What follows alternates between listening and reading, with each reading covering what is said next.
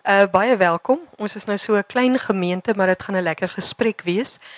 Uh ek gaan sommer die gesprekleier wees. Dit is 'n baie impromptu besluit gewees. Maar ek gaan maar net sê die die gewone ehm um, ek wil amper sê huisreëls. Selfone af asseblief en ons gaan so vir 'n 3 kwartier gesels en dan is daar so 5 minute 15 minute vir vrae. Uh ek het die mikrofoon, so ek sal vir julle aangee, so steek maar net die hand op as jy 'n vraag wil vra. Dan wil ek die sprekers voorstel. Uh hulle is al drie mense wat natuurlik met Ena Marie se werk gewerk het. Uh Etienne het jy haar ook persoonlik geken? Ja. So al drie van hulle het haar persoonlik geken as uitgewers met haar persoonlik te doen gehad. Hulle is almal my oud kollegas, so ek ken hulle baie goed. As iemand ehm um, miskien 'n bietjie nadere jy weet, off the record inligting wil hê, hulle kan miskien met my praat vir ietsie of so. Ehm uh, Nelleke de Jager, sy is ook al ehm um, almal van ons is omtrent vir ons hele loopbaan in die in die uitgewersbedryf. Etienne en ehm um, uh Etienne, Etienne het elkeen so 'n draaitjie by die onderwys gemaak. Nelleke het op Gramstad gestudeer, M gedoen en Nel, uh, Nelleke? Nee, Oneers. Gedoen. uh en toe begin werk by Tafelberg Uitgewers. Sy was die hoof van Kwela Uitgewers vir 7 jaar wat sy uiters ehm um, effektief gedoen het. En toe het sy die pos gekry as die digitale uitgewer by NB Uitgewers en nou is sy ook weer in so jack of all trades and a master of all of them uh, posisie. Etty Williams was ook een van ons getroue kollegas by Tafelberg Uitgewers. Uh sy het later uh vryskut begin werk en sy tree ook op as 'n tutor vir kinders met outisme om hulle hoërskoolkinders te help om hulle laaste standaards op skool te slaag. Sy het, is baie goed in onderwys spesifiek. Dan Dr Etienne Bloemhof. Hy is seker die bekendste daarvoor dat hy ehm Dion Meyer Franse Bloemhof se broer is. Ehm um, goed, hy het dit gesê. Ek ek was nie van plan om dit te sê nie. Hy is uh die uitgewer van Dion Meyer en verder is hy ook al baie jare in die in die bedryf. Nou, hy kom nog uit die Iman Rousseau daar van voor NB toe was ons nog Tafelberg. Hy was Iman Rousseau en ons was tegnies mekaar se oppositie. So ons gaan nou by hulle alles hoor oor Jana Marie. Ek wil ook sommer net uit die staansper sê dat uh, Nelleke bevind daar deesdae as die manere sou se fiksie uitgewer waar sy briljante briljante job doen. Ehm um, kan jy net vir my sê watter imprint is nou joune Etienne? Ek ek is eintlik 'n jack of all trades deesdae. okay, het jy nog 'n imprint? O nee, dis reg. Hy's die hoof van al die ja. verskillende Ek, ek gee nog uit, maar ek is eintlik uh, sonder portefeulje op. Ah, dit beteken hy's 'n belangrike man. Voor ons oh, wel om te begin met ons gesprek, gee net gou weer die detail. Wanneer is Ena Marie oorlede en hoe oud was sy? Sy is op 4 Junie verlede jaar oorlede en sy was 78. Ek weet in die media spreek sy was 76, maar sy was 78. En ons begin sommer by jou Etienne. Nee, jy het haar laaste met haar te doen gehad. Ek Ja. begin by Etty. Jy het in watter tydperk saam met Ena gewerk? Jy van begin 1993 af tot 98. Ek saam met haar gewerk, dit was nadat haar laaste boek, nuwe boek gepubliseer is. Ek het hoofsaaklik gewerk met haar omnibusse. Maar sy daai tyd nog self gekies watter van haar romans staan moet kom. En dit was wonderlike kombinasies wat wat sy gekies het. By hoeveel omnibusse staan ons?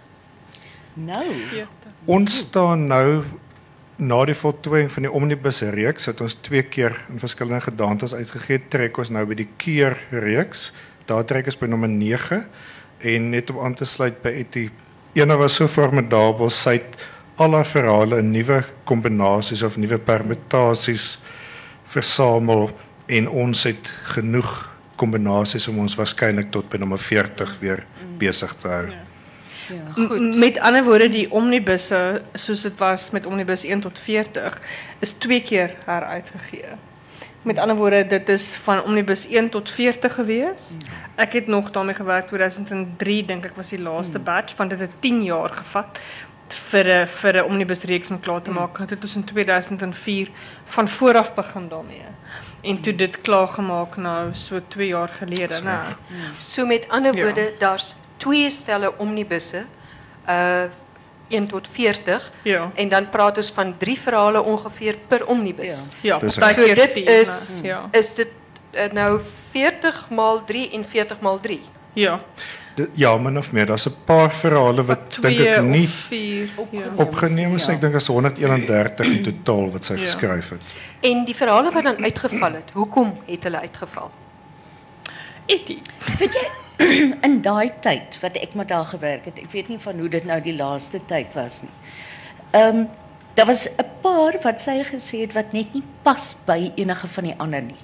En dit was dit was vir haar baie belangrik dat al drie op watter mate ook al by mekaar moes aansluit om 'n regtig positiewe leeservaring te gee. Een het altyd aan haar lesers gedink. Ja. Jy weet. En ek dink dit was dit moes 'n baie groot deel van haar sukses gewees het. Ja. Definitief. Ja, absoluut. En en ek dink uh, veral dis iets wat my altyd van van liefdesverhale opval van 'n goeie liefdesverhaal skrywer is iemand wat nie neersien op sy lesers nie, maar wat werklik glo in die liefde.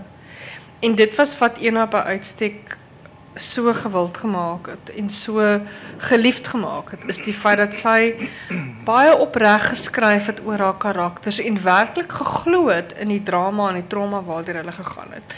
Dit daar was geen agteraf um, pedantiese of siniese verteller wat gedink het, "Wow, haha, laat ons hierdie twee karakters nou verlieflik op mekaar nie." She really believed in them en ek dink dis een van die groot redes hoekom haar werk so suksesvol was. So met ander woorde, ons skryf nie mag gou nog 'n liefdesverhaal om nog geld te maak nie, want ek is een Marie.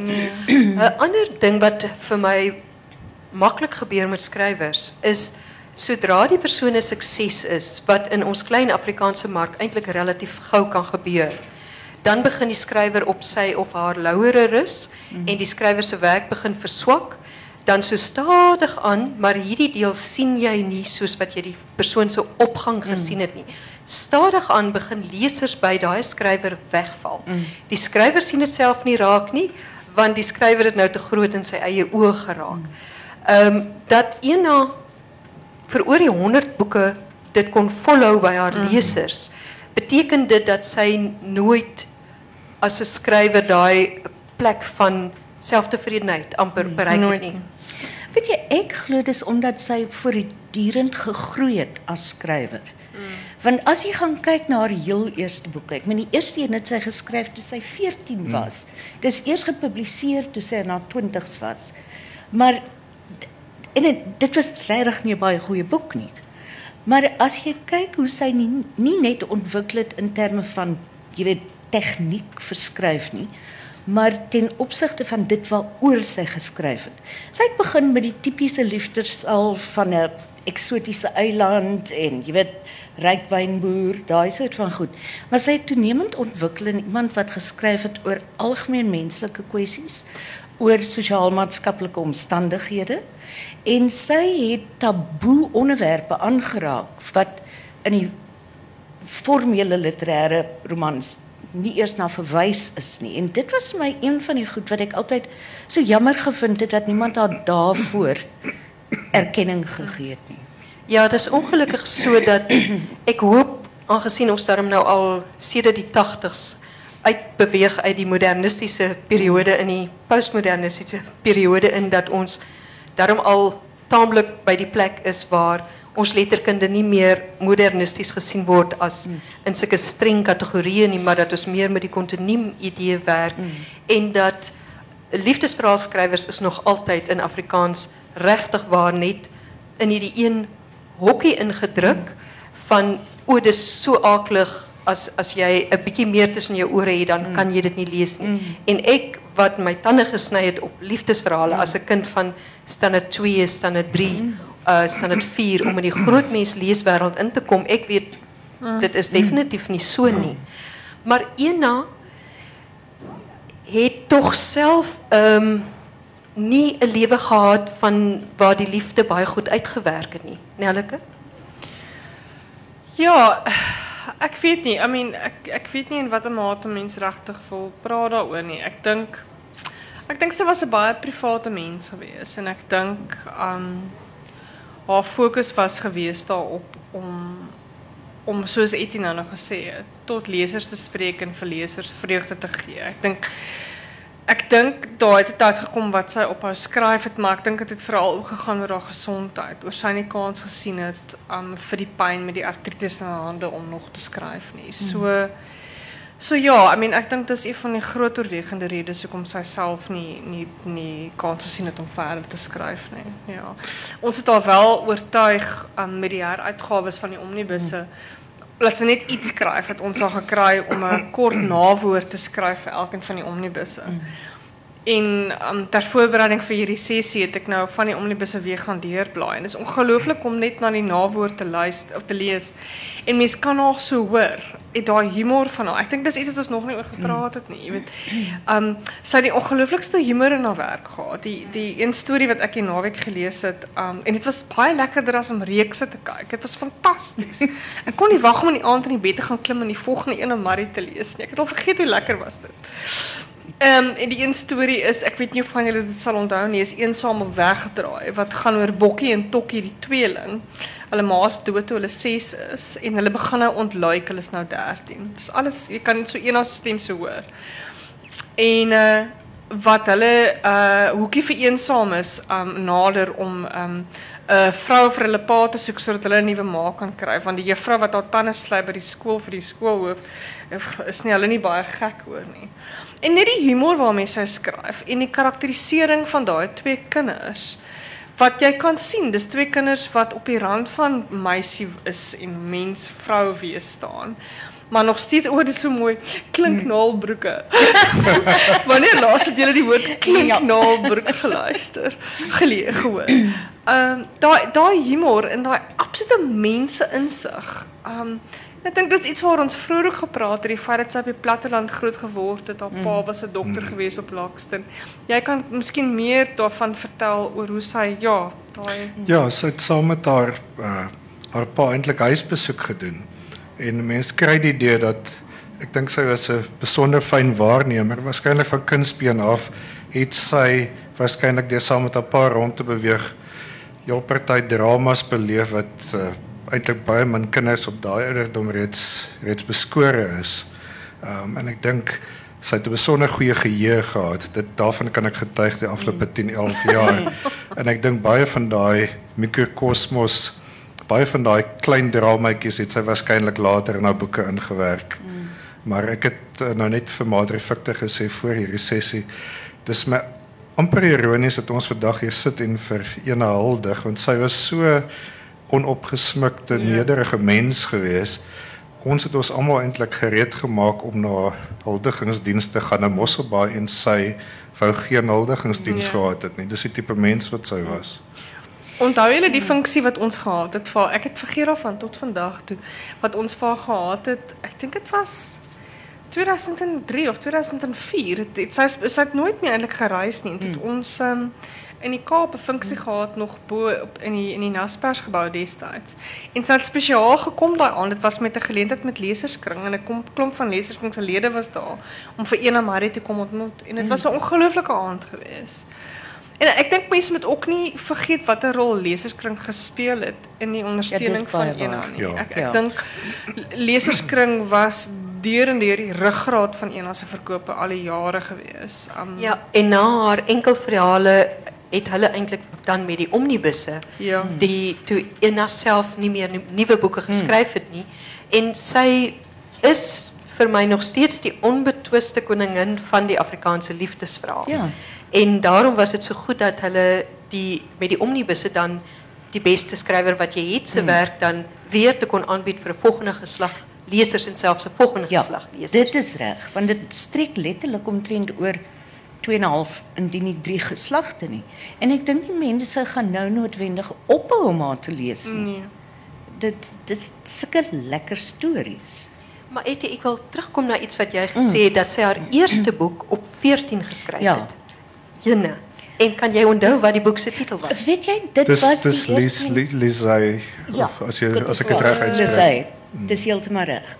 En man, sy het, ek kan nie detail onthou nie, maar sy het vir my iets vertel van sy het dit geskryf en later het sy en haar eerste man 'n uitgewerytjie begin of was dit sy en haar tweede man?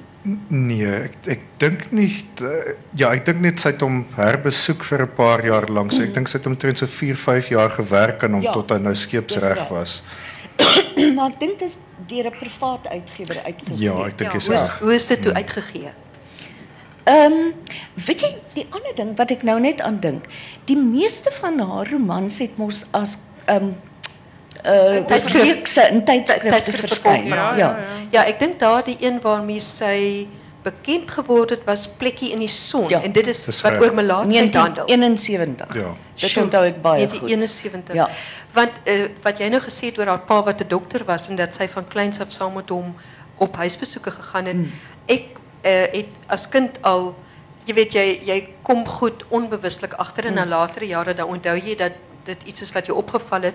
Maar ehm dit was toch nog voor het voor die tyd wat mense die liefdesverhale byvoorbeeld gedeel het in die dok uh, jy weet Ja, die die medies. mediese verhale en ensovoorts. Mm. Maar sy het ek altyd as kind al gevoel maar sy het 'n besondere mm, aangetrokkenheid tot hierdie mediese verhale ja. en dat sy dit baie goed gedoen Dis het. dis reg. Sy het ook natuurlik 2 jaar as verpleegster in Ja. Bloemfontein gestudeer. Sy het nie klaar gestudeer nie, maar ek dink dit was net na matriek was sy 2 jaar in Bloemfontein en toe het sy eintlik voltyds begin begin skryf. So Ja. sy het eintlik dan op ouderdom 20. 20 was sy 21. was sy toe 21, reeds ja. uh, getroud. Sy het ja, Ja, ek dink sy ja, sy het sy het ek dink dink sy het omtrent op want sy het 21 begin getrou. skryf as ek reg onthou nadat sy getroud is en weer teruggetrek het Lockston toe. Dis reg. En so dit is sy's getroud na daai 2 jaar Ja. van van studie En waar het sy studeer? In Bloemfontein. In Bloemfontein. Die Volkshospitaal in Bloemfontein, is dit korrek? Dis Zoiets. reg. Uh so het sy met uh, iemand van Lockston getrou. Wie was sy? Ja, Wat het hy hy was gedoen? hy was 'n uh, Boet Murray en ek dink hy was 'n boerman geweest as ek reg onthou. Ja, En hulle was uh, twee dekades lank ge, getroud tot die huwelik op die op die rotse beland het. dit verklaar uh, al die plaasstories seker. Dis reg. Wat ek as ek was nou plaaskind van Namakoland, so ek het besondere waardering gehad vir al hulle plaasstories. Ek onthou die een van die meisie wat teruggekom het na 'n luisterryke lewe in Parys en sy het die ontwerpersklere en toe moet sy op die plaas Ja, gaan werk. Sy, sy sy moet die sy sê rooi kop rooi kop Rabadoo. So Oh, gewees. ja. Rabadoo Ja, op. Rietkel. Ja. daar het ek op. Rabadoo op Rietkel. Ek was mal oor daai storie en toe was ek nog op skool. Maar sy het toe volgende publikasie was dit toe eers nog tyds tydskrifverhale wanneer het 'n regte uitgewer haar opgetel. Weet jy ek, ek, ek, praat van 'n Ja. korreksie, maar ek dink Lisay dink ek was die eerste publikasie Ja. by JP van der Walt Ja, gewees. ja. Dis reg. En toe daar 'n paar tydskrifverhale ge, gevolg en sy het aanvanklik by Rooi Rose uh, Ja, dit geplaas en toe het sy baie lang verbintenis met George Lou gehad Ja. wat in daai stadium by huisgenoot die verhale Verhale redakteur was. Ja. En George sê altyd hy het nooit 'n verhaal van haar afgewys nie. En trouens as ek nooit 'n manuskrip van haar wat nie vir publikasie aanvaar is, ja. wat ek dink waarskynlik 'n rekord is. Ja nee, absoluut. Het George ooit te kenne gegee tot hoe mate dit nodig was om haar werk te redigeer?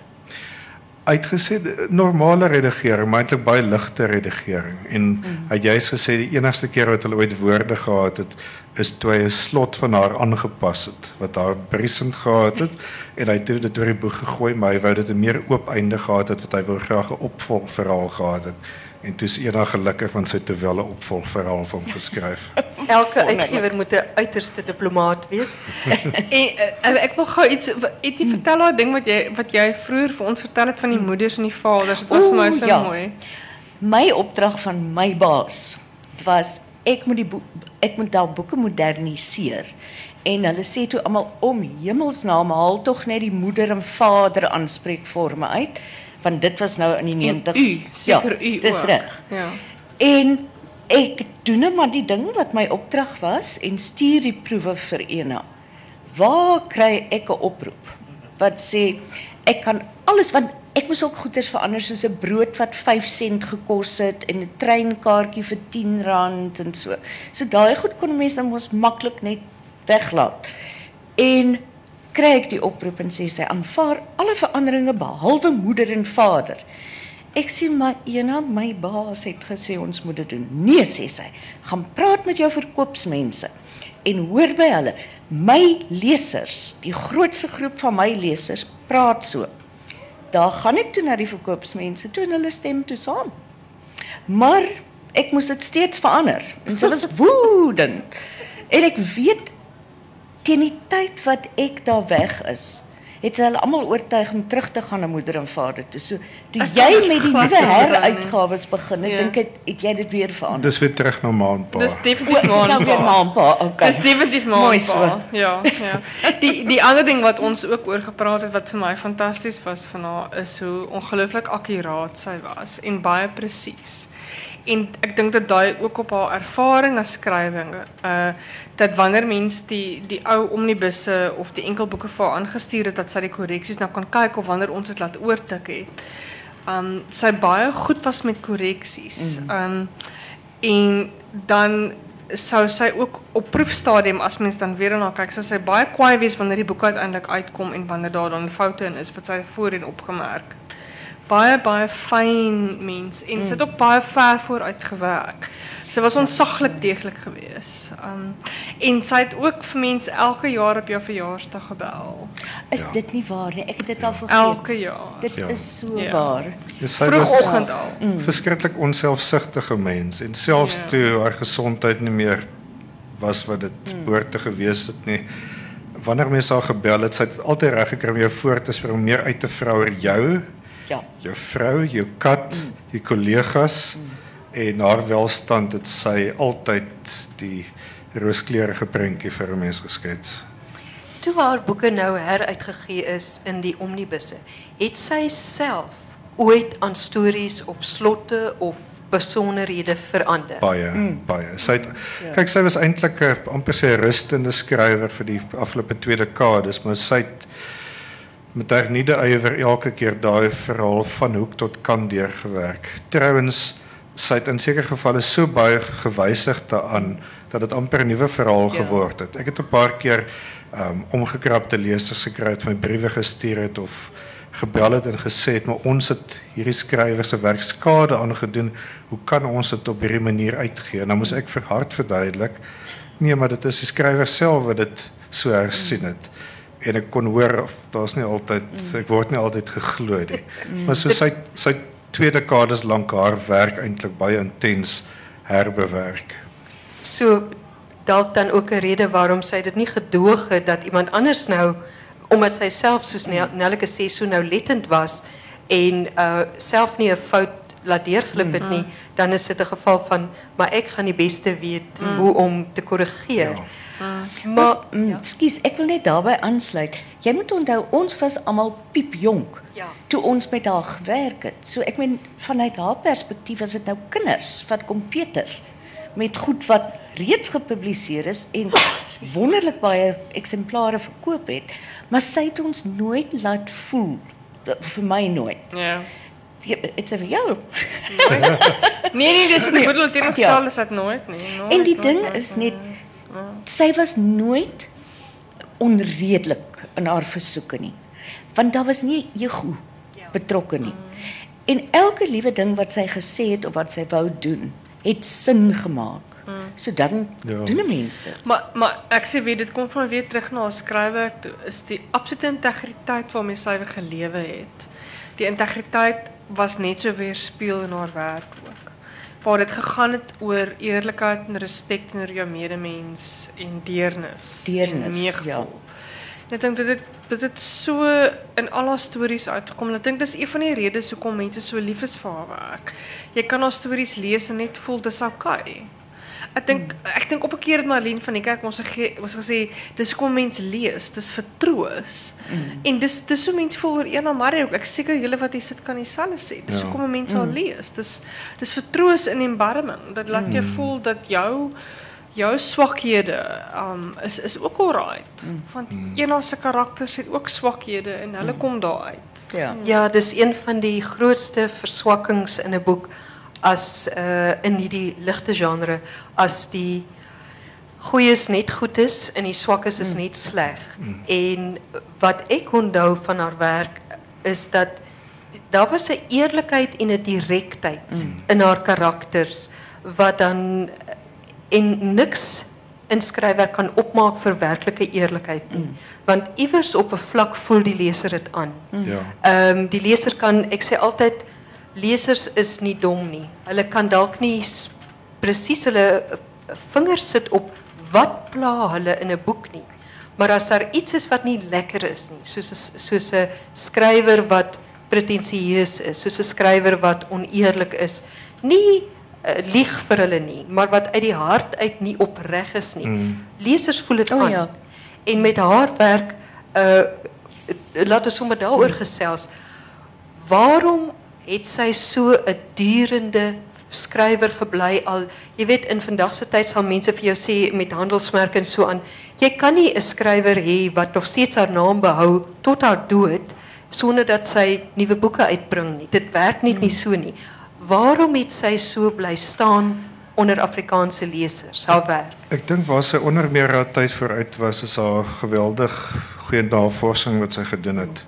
Ehm um, sy het dikwels gesê sy sou maand dan eens sy navorsing gedoen het en dan sit haar miskien 'n paar weke neem om die verhaal te skryf. Sy het gepraat daarvan dat sy die sy sy die buitelyne sy sy trek en dan is daar nog net die inkleding wat met wat moet gebeur. Maar ehm um, vir iemand wat wat nooit daai eksotiese eilande besoek het wat van haar karakters of dit nou by Seychelles of Mauritius of waar dit ook al afspeel. Ehm um, iets sy so autentiek geskryf en daar was geen feite foute gewees nie. Sy het so deeglik gewerk en ek dink mense kon dan hulle inleef omdat dit so autentiek uitgebeeld is.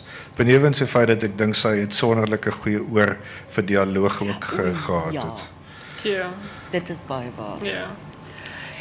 Maar weet jy, ehm um, Suzette, wat ek dink een van die redes ook hoekom sy durende uh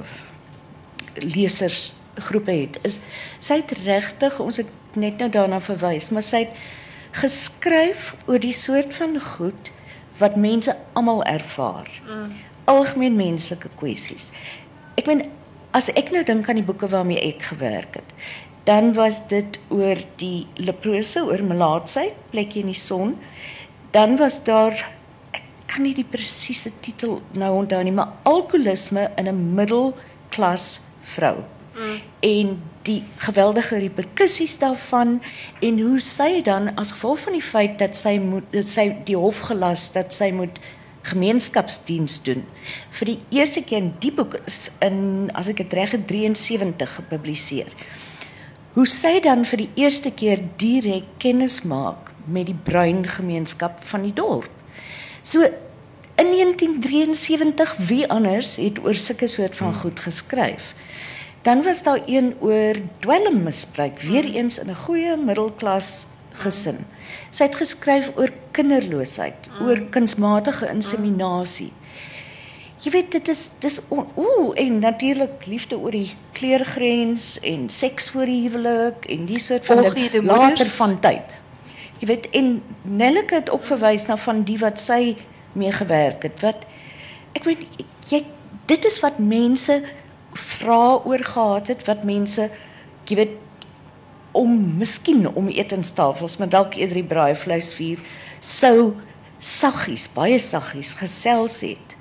Maar jy sou nooit droom daarvan om jou predikant of so iemand daaroor uit te vra nie wat ons mense praat nie daaroor nie. En dan skryf sy daaroor en op so 'n manier dat jy voel "Oh, weet jy as hierdie mense as dit met hulle kon gebeur kan dit jy weet met enigiemand gebeur daai soort van ding En ook, jy weet, ek dink jy maak ook 'n baie goeie punt want as jy as stories was nie tradisionele liefdesverhale nie. Ek dink die mm. vroeëre verhale was, maar nie later nie. Mm. En ek, ek dink dis dis mm, dis ook uniek en ek dink aan die Afrikaanse letterkunde dat jy iemand het wat so gewilde liefdesverhaal skrywer was, maar dit is nie die tipiese genre van boy meets girl, Ja. girl meets boy. glad. They they have some obstacles and then they find love in the end. Hierdie is baie meer onkonvensioneel. En van die stories begin die storie waar hulle klaar getroud is en dan ry hulle by die plaas in. Dis waar die boek begin. Nou dit dit wil gedoen wees en ek dink dis waar ons ook vroeër gepraat het. sy sy ken die reëls van die genre en dan verbreek sy hulle. En dan kry sy dit tog reg om die leser deurgaans te boei dat jy nie die storie kan neersit nie. Mm. Dis is dit dit getuig van 'n skrywer met uiterse vernuf en respek vir haar vir haar vir haar leser. En ek kan jou verseker dat oor 10 jaar van nou af, a touch wood, ek, ons gaan haar nog steeds uitgee. Ja. Mm. Ons gaan haar nog steeds uitgee.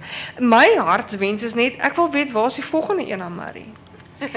Dis net nou die probleem. So kon sy al vir hoe lank, nee. Ek wil net aansluit dit te sê, ek dink sy was soveel sydig geweest. Sy sou geskryf het oor aktuelle kwessies, wat dan ook sê verhale kry wat amper meer 'n verbeeldingsvlug is. So die een wat wat my bybly is die gasheer van Draken Eiland waar daar 'n Russiese karakter is wat van plan is om 'n superras te laat ontstaan wat amper soos 'n James Bondiaanse uh, plot of struktuur of ek dink aan iets soos die man met die geel oë, weet 'n spionasieverhaal.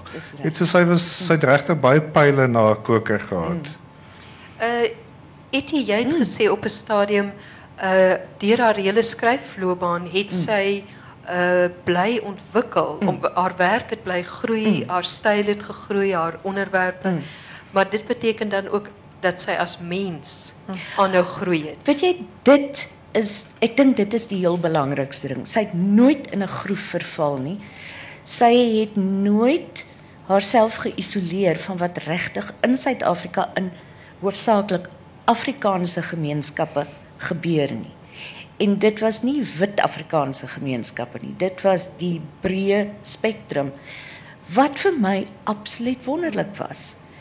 En ek weet dat sy 'n geweldige koerantleser was. Ek meen in die tyd wat ek met haar gewerk het, was een van my opdragte sy moet 'n nuwe boek skryf. En ek meen hoe meer ek met haar gepraat het daaroor, hoe meer het sy gesê nee nee, dit was nou genoeg en jy weet stop wanneer jy op hoogtepunt is, daai soort van ding.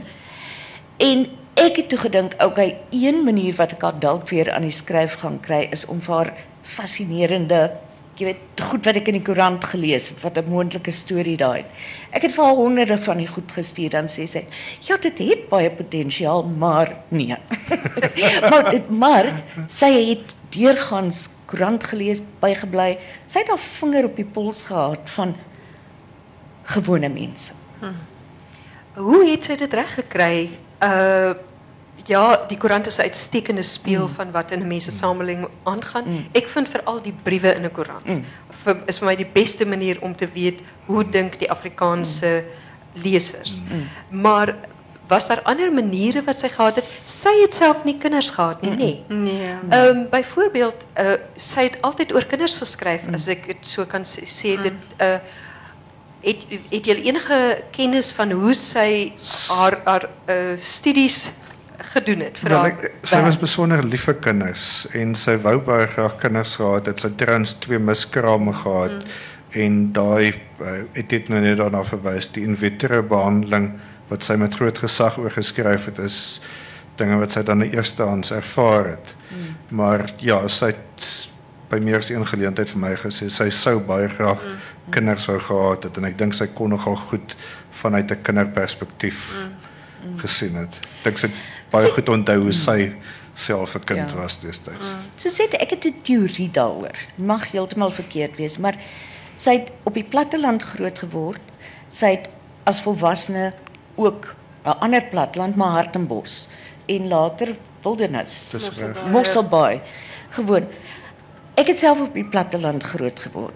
Jy leer ken jou medemense op 'n totaal ander manier. Want jy die hele spektrum in jou een klein dorp. Ja. Waar in die stad is jy maar gewoonlik met mense soos jy wat jy te doen kry. Ja. ja. En ek dink dit het nogal baie gehelp vir haar. Ja. Dan moet jy nog nie dan moet jy nog nie weermag beland het. Ooh, nee, nie vir my nie. en die en die een storie wat ek die naweek gelees het verworpe silwer. Um ek is so bly ek het weer op daai storie afgekom want dit het jare lank by my gespook.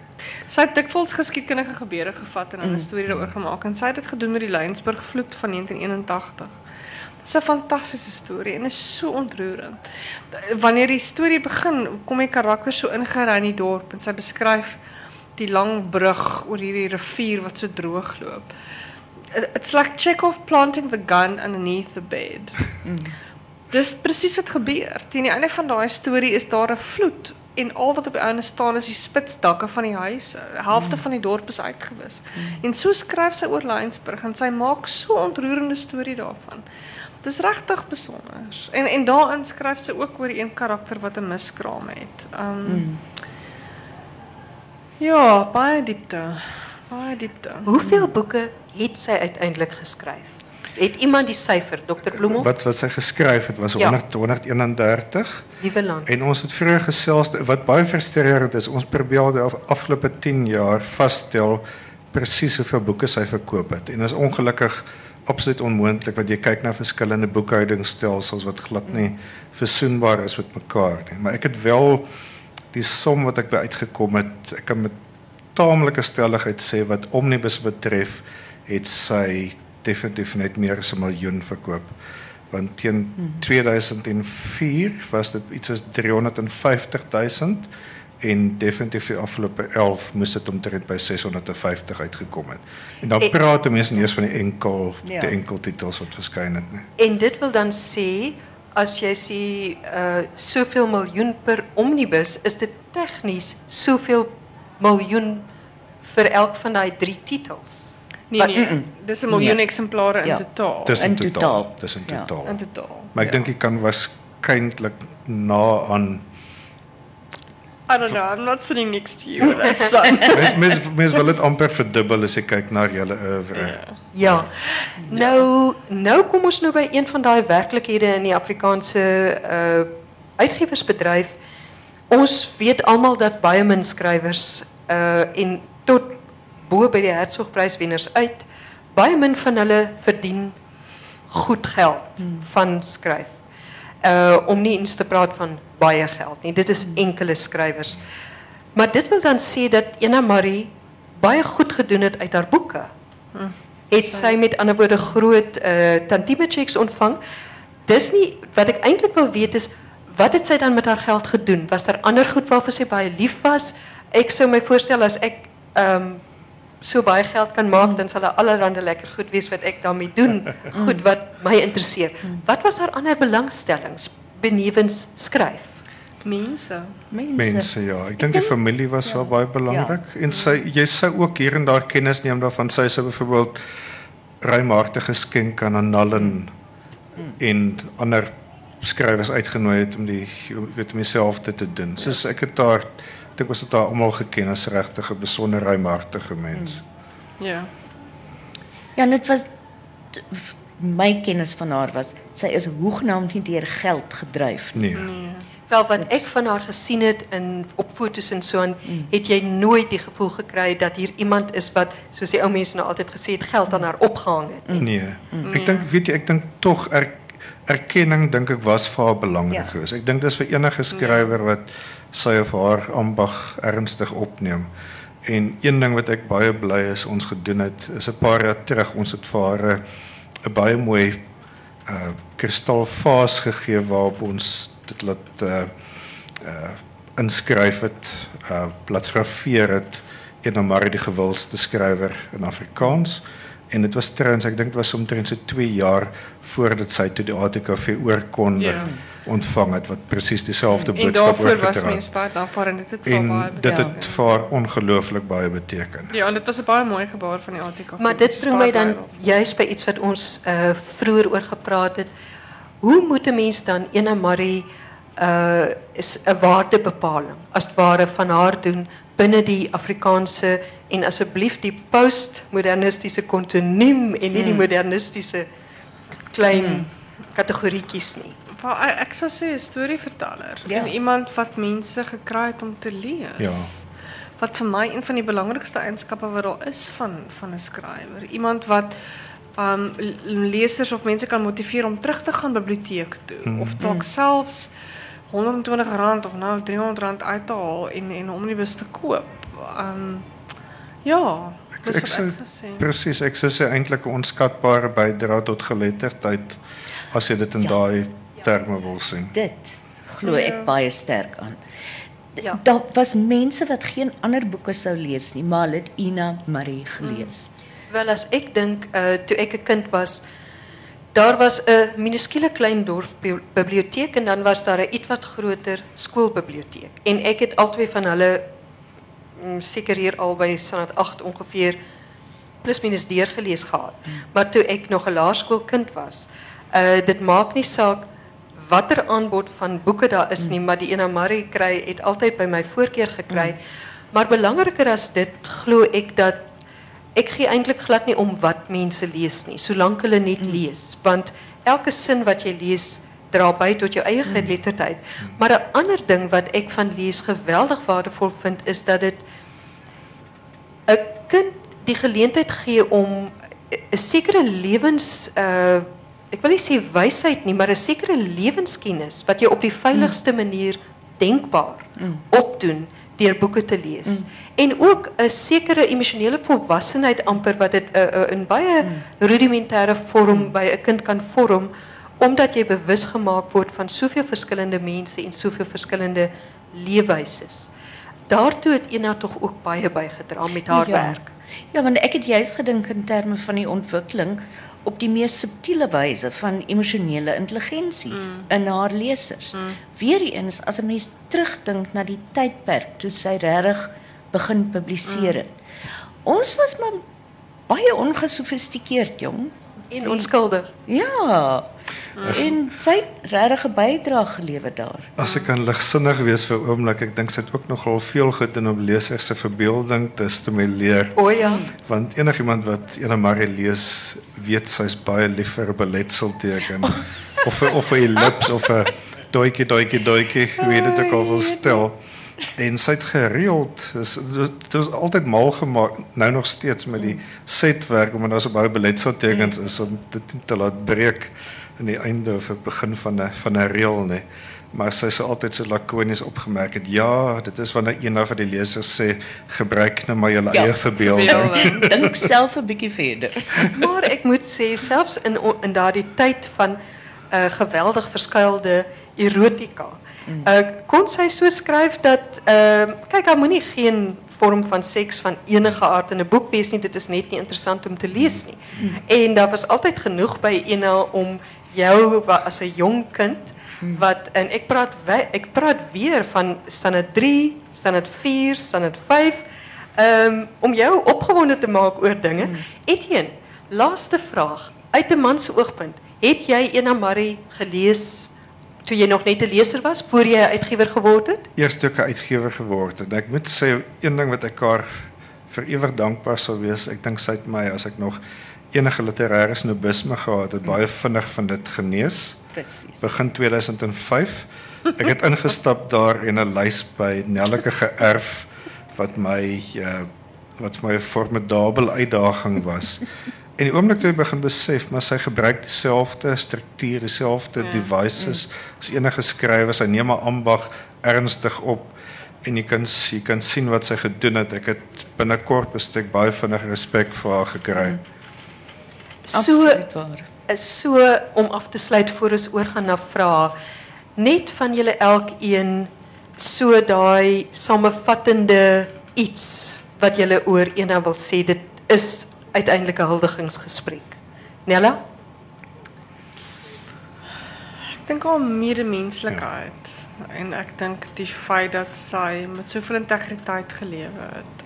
Um nie so hoofkarakters was en dat almal mense is. Um, en dat daar swakhede in almal van ons is en dat jy maar net in die spieël moet kyk en dit moet aanvaar. En dit dit het sy met baie insig gedoen. Ek het baie respek vir haar Ja. Die grootste kompliment wat ek kan gee is ek het van haar gehou. Sy was 'n mens. Ek sukkel eintlik net om aan haar te dink in die verlede tyd want ek ek dink omdat ons nog voortdurend besig is om haar werk uit te gee en ook die blote feit dat sy vir my en my vrou 'n hele paar paar sokkies gebrei het wat ons nog elke winter dra. Dag dag gaan eintlik nie 'n week verby dat ek nie aan eendag dink nie. Baie dankie julle. Dit was nou baie lekker om met julle te gesels. Baie dankie. Uh enige Dankie. vrae? Ek gee vir Leon en dan volgende persoon Dorothea, agter jou gee julle sommer maar net so vir mekaar uh aan. Dankie Suzette. Ek wil net vir julle 'n mooi storie vertel van my en Ena Marie toe ek 13 was. Uh dit is my interessant Etienne dat jy sê sy het vir huisgenoot geskryf want toe ek 13 was, ek het by 'n tante van my op die plaas gekuier by Christie's Meer en hulle het die, die tydskrif Ster het hulle Ja, gekoop. ja, ja. En sy het die onsigbare gasheer van Drakenseiland het dit het dit toegeweet. Het sy geskryf met hierdie verskriklike dramatiese illustrasies. En ek het dit gierig gelees want ek was teen daardie tyd al so verveeld met die ander boeke wat ek gelees het, Trein na die Tooi, Triekie Bekes, bla bla bla bla, want al daai stories was dieselfde. En Ena Marie se die, die onsigbare gasheer van Drakenseiland het my verbeelding vir die eerste keer in my lewe geprikkel. En en later jare toe ek by die SAK begin werk het, toe vra die Afrikaanse diens vir my, kan ek asseblief 'n spanningsverhaal skryf? Teen daai tyd was Wolwedans in die skemer al in my kop en ek het ook gedink ek gaan dit nie op die Afrikaanse diens mors en 10 episode skryf nie. Ek wil 550 skryf en baie gelde uitmaak vir stasie. toe uh, het ek die gasheer van Drakenseiland was toe steeds die onsigbare verwerk as 'n radiovervolgverhaal van 10 Wow. episodes met verskriklike dramatiese byklanke want ek onthou toe as 'n kind daai ongelooflike tekeninge wat altyd daarby Ja. En toe ek later jare na een van daai omnibusse kyk waarin die gasheer van Drakenseiland mm. toe verskyn het, het sy agterin gesê iemand iemand het die gasheer van Drakenseiland verwerk vir die radio en die byklanke was vir my so skrikwekkend dat ek self nie na my eie storie kon luister. en ek het gedink dis nogal 'n kompliment. Ek het daai presiese woorde vanoggend in een van die nawoorde weer raak gelees. Nee, dit moes duidelik 'n groot indruk op haar gemaak het. Ek wil daarom net sê, ek het nou 3 dogters, nê, en ek is vir die een ma, vir die ander een mamse, vir die ander een moeder. En ek het my eie ma ook moeder genoem. Uh so dit is uh, sy was sy was moeder vir my. Dit is so dit was vir my ek sal nogal gehou het van ena uh, Marie. Ek het nogal 'n bietjie probleme daarmee as mens so iets verander in 'n boek. Uh dit moet ek nou eerlikwaar sê want daar's jy moet die ou wêreld se charme van so 'n uh, verhaal moet jy baie versigtig hanteer. Ek ek dink in baie boeke sal ek met jou saamstem, maar ek dink in 'n geval met haar waar daar oor generasies heen nog steeds van gelees word en ek dink daar's 'n sekere tydloosheid in haar stories wat jy gaan laat verlore raak as jy by die 5 sent stukke hou en die tikkie boks en die moeder. Ja. Ek praat nie van die 5 sent stukke nie, dis nou 'n ander saak, maar spesifiek iets so persoonliks. Jy Ja. kan aanneem sy het haar eie ouers vader en moeder genoem. Daar is nog mense wat dit doen, maar dit spreek van 'n bepaalde verhouding. Dit is nogal vir my 'n sensitiewe ding, maar dis nou nie kritiek op julle Ja. nie. Uh, ek Nee, net sê ek dit is daar is wel mense wat so praat. En dan wil ek net sê dat uh uh dit was 'n baie baie lekker bespreking hierdie. Dit was vir my 'n 'n baie genoeglike iets, maar ek wonder nou uh wat is die ouderdom van haar teikengroepe? Het julle daaroor ooit uh studies gedoen? Mense spekuleer eintlik, maar ek dink dit het definitief uh dit het, dit ek dink dit word van geslag tot geslag aangegee. Daar's definitief heelwat jonger lesers ook daar buite. Dis hoekom ons dit weer heruitgee. Ek dink dis wat ons self verstom is die feit dat ons twee I mean oor twee dekades lank die omnibusse uitgegee het en dan weer met die keur keure begin het daarvan. Met woorde dit is weer 'n nuwer generasie wat daar lees. Hmm. Dit is en ek seker biblioteke sou vir ons baie meer terugvoer Ja. kon gee oor watter generasie mense inkom en en, en nou nog vir een lees. Jy weet. Ja, en wat vir my ook uh, uh, natuurlik interessant is is uh uh ek dink mense kan haar lesersgroep nog ver, baie vergroot want uh Rebecca wat al is 21 22 jaar my vriendin en uh huishoudster is, die was so lief vir Ina uh die is so lief vir Ina Marie se verhale. Ja. Ja. En sy is uh uh sy is 'n uh, Sotho en uh, uh ek dink mense kan nog daar maar Afrikaans taal Afrikaans baie goed magtig. En ek so ek dink daar is eintlik nog baie baie ruimte vir julle uh, vir die boeke vir, vir lesers om dit te geniet. Is daar nog iemand wat ietsie wil sê? Niemand nie. Ek wonder of sy nie soort van ons eie Rebe- uh, uh, Daphne de Maurier was nie op 'n manier. Want Daphne het sulke ongelooflike verhale. Ek onthou Rebecca, my cousin Rachel, dit het my aangespoor om te skryf daardie Ja. stories Ja. omdat dit stories met balls. Ja. En Ena. Marie eh, se stories so half het vir my ook ehm um, soos ek sê my verbeelding geprikkel ja. en wou my ook laat skryf. Ja. Dis dis, 'n goeie ja. vergelyking. Ja. Ek sê ek wil net sê ehm um, in een artikel het ek raak gelees dat uh, daarna verwys is as die Afrikaanse Barbara Cartland, maar ek verstou net om te sê ek dink sy was ja. veel Dis meer as dit gewees. Ja. Ja. ja. Willem het jy daai quote gekry van Leon? Ons hoop so. Ja. 'n Skrywer met balls, ek hou van daai een. Hooplik is dit in die burger môre. ek wil nog net nog iets sê. Uh, ek het nou 'n minder goeie kennis van van Ena Marie, maar uh natuurlik baie met Eleanor Baker uh se ja. werk ja. te doen gehad waar jy uh, absoluut ehm uh, daar die probleem eintlik gehad het van die 80er jare dat sy nie eers in haar onder haar eie naam ligte mm. romans wou skryf nie. Ja. Nou gelukkig is ons daar ver verby. Ja. Met die polisisteemteorie en die tipe dinge. Ja. Uh, ek dink daardie wat ek het dit nou onlangs teëgekom by by uh, Agatha Christie, by 'n biografie oor Agatha Christie. Wat dit ook wat die biograaf wat in die 80er jare oor haar geskryf het, ek dink regtig waar so 'n mens wat so maak asof die onderwerp sy skryf en sy het aan die een kant bewondering vir Agatha Christie, maar aan die ander kant laat sy tog is net so 'n bietjie blyk mm. dat dit darem 'n bietjie ligte uh, verhale is. Ja. Uh, Agatha Christie, ek bedoel dit is so 'n naam, nê. Nee. Mm. Maar dit is vir my so groot uh, dit is eintlik vir my een van die waardes van deesdae die manier wat ons deesdae lees dat ons nie meer daardie wat is uh, wat Johan Spitz altyd gesê het dat die die ehm uh, uh, in die 80er jare wat hulle so die die werke so afgemaak het alleen Matthee se werk ja. Uh, die uh, wat noem hulle nou weer? Middelmoot. Goeie gewilde. Middelmoot. Goeie gewilde. Middelmoot ja. letter. Middelmoot. middelmoot. Dit is my vloekwoord. Dit daar vleis, stuk mm. vleis, weet jy, middelmoot. Ja.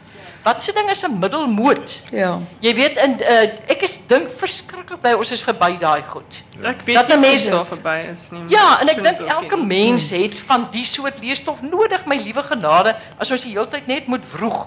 Wat sal ons van ons word? Die die ja, die ondergaan. Dorothea jy verwys na Agatha Christie. Ek dink ook daar is nog 'n raakpunt wat betref die vermoë om te om te struktureer om 'n waterdigte plot te skryf. Ek dink baie keer met met eenheid jy jy het geweet waar jy nie sou waarheen sou pad is, maar nie geweet presies hoe dit sou daar gaan uitkom nie. Ja. ja.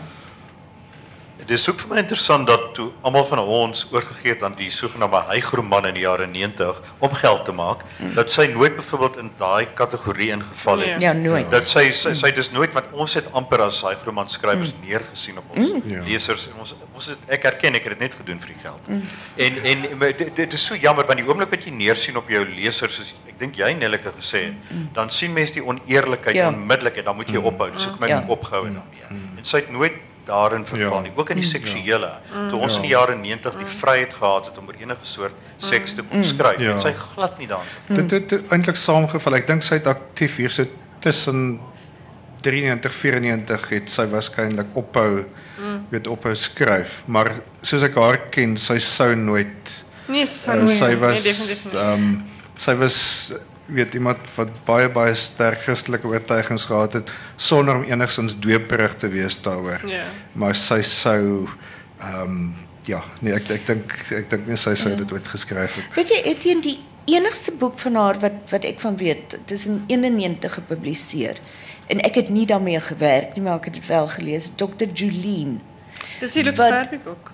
Wat ja. gaan oor 'n mediese dokter, Afrikaans Afrikaanse meisie wat dan ek kan nie onthou waar nie gaan praktiseer en dan verlief raak op 'n Midde-Oosterse man mm. wat 'n uh, moslim was mm. en sy's Christen so jy daai konflik tussen die godsdienste sy omdat sy nie in Suid-Afrika was met die streng jy weet morele kodes nie het hulle dan voorhuwelikse seks gehad en die soort van ding maar sy het nooit ooit in grafiese detail ingegaan nee. nooit nee. ooit nie Ja, soos dit blyk nou hele met uh, frivole opmerking maar nou dat wat jou John Hammond sou sê van hyg al wat leef dit het nie vir Ina Marie ingesluit nie.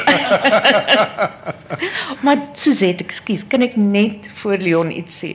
Ons moet praat oor die omslaaf van haar boeke. Ek het in die 90's trein gery werk toe van Bellville af stad toe. En dan sit die mense so rondom my en boeke lees, almal toegedraai in bruin papier. En ek was so nuuskierig om te weet hoe is dit dat almal dieselfde skoolboeke lees? Tot ek op 'n dag langs iemand gaan sit het en so oor die skouer geloer het. Toe sit Ina Marie. En kort daarna bel Ina my die dag en sê dit is nou genoeg. Ek moet nou asseblief vir die bemarkingsmense sê haar omslag moet verander word. Dit is 'n 'n verleentheid vir lesers. En wie was die illustreerder daai tyd? Bia. Bia. Nee, Rassie het oorgevat by Bia Jong. Bia Jonker. Ja. En daar is toe 'n majestueuse op upheaval by die kantoor van nou gaan nou omslag verander word. En dit het toe maar dit, dit was ook nie so geslaag nie, maar ek dink nie iemand het ooit 'n Ina Marie gekoop op grond van die omslag nie. Nee. Dit was Ina Marie, ja, goed, kom ons koop. Ek wil net sê op daai punt het uh, Nellik het my met die interessante dilemma ge, gelaat. Toe ek die reeks oorgeneem het, het ons getrek by Ena Marie nommer 5. Ek begin Ja. met nommer 5 Ja. en toe reeds was die voorkoms gevestig gewees met die met die blom en dan nou 'n spesifieke kleur. En om elke keer met 'n volgende omnibus 'n nuwe kleur wat nie bots met die vorige een nie en ek het ek het mettertyd begin om my my skoonma wat gelukkig 'n baie goeie fotograaf is en sy het 'n taamlike arsenaal blomfoto's gehad en baie keer moes sy in opdrag en het vir elke liewe omnibus Ja, het sy 'n spesifieke blom Ja. geïdentifiseer wat goed sou pas by daai omnibus. So ons het al ons dae gehad om daai verskillende So- blomme So te gentle, kry. so gentle soos Ena was, as sy jou vasgevat het as daar korreksies was in 'n boek en sy sou baie duidelik gesê het watter blom kom op die volgende omslag. Tja. Sal ons maar hier op hierdie noot Baie dankie. Baie dankie.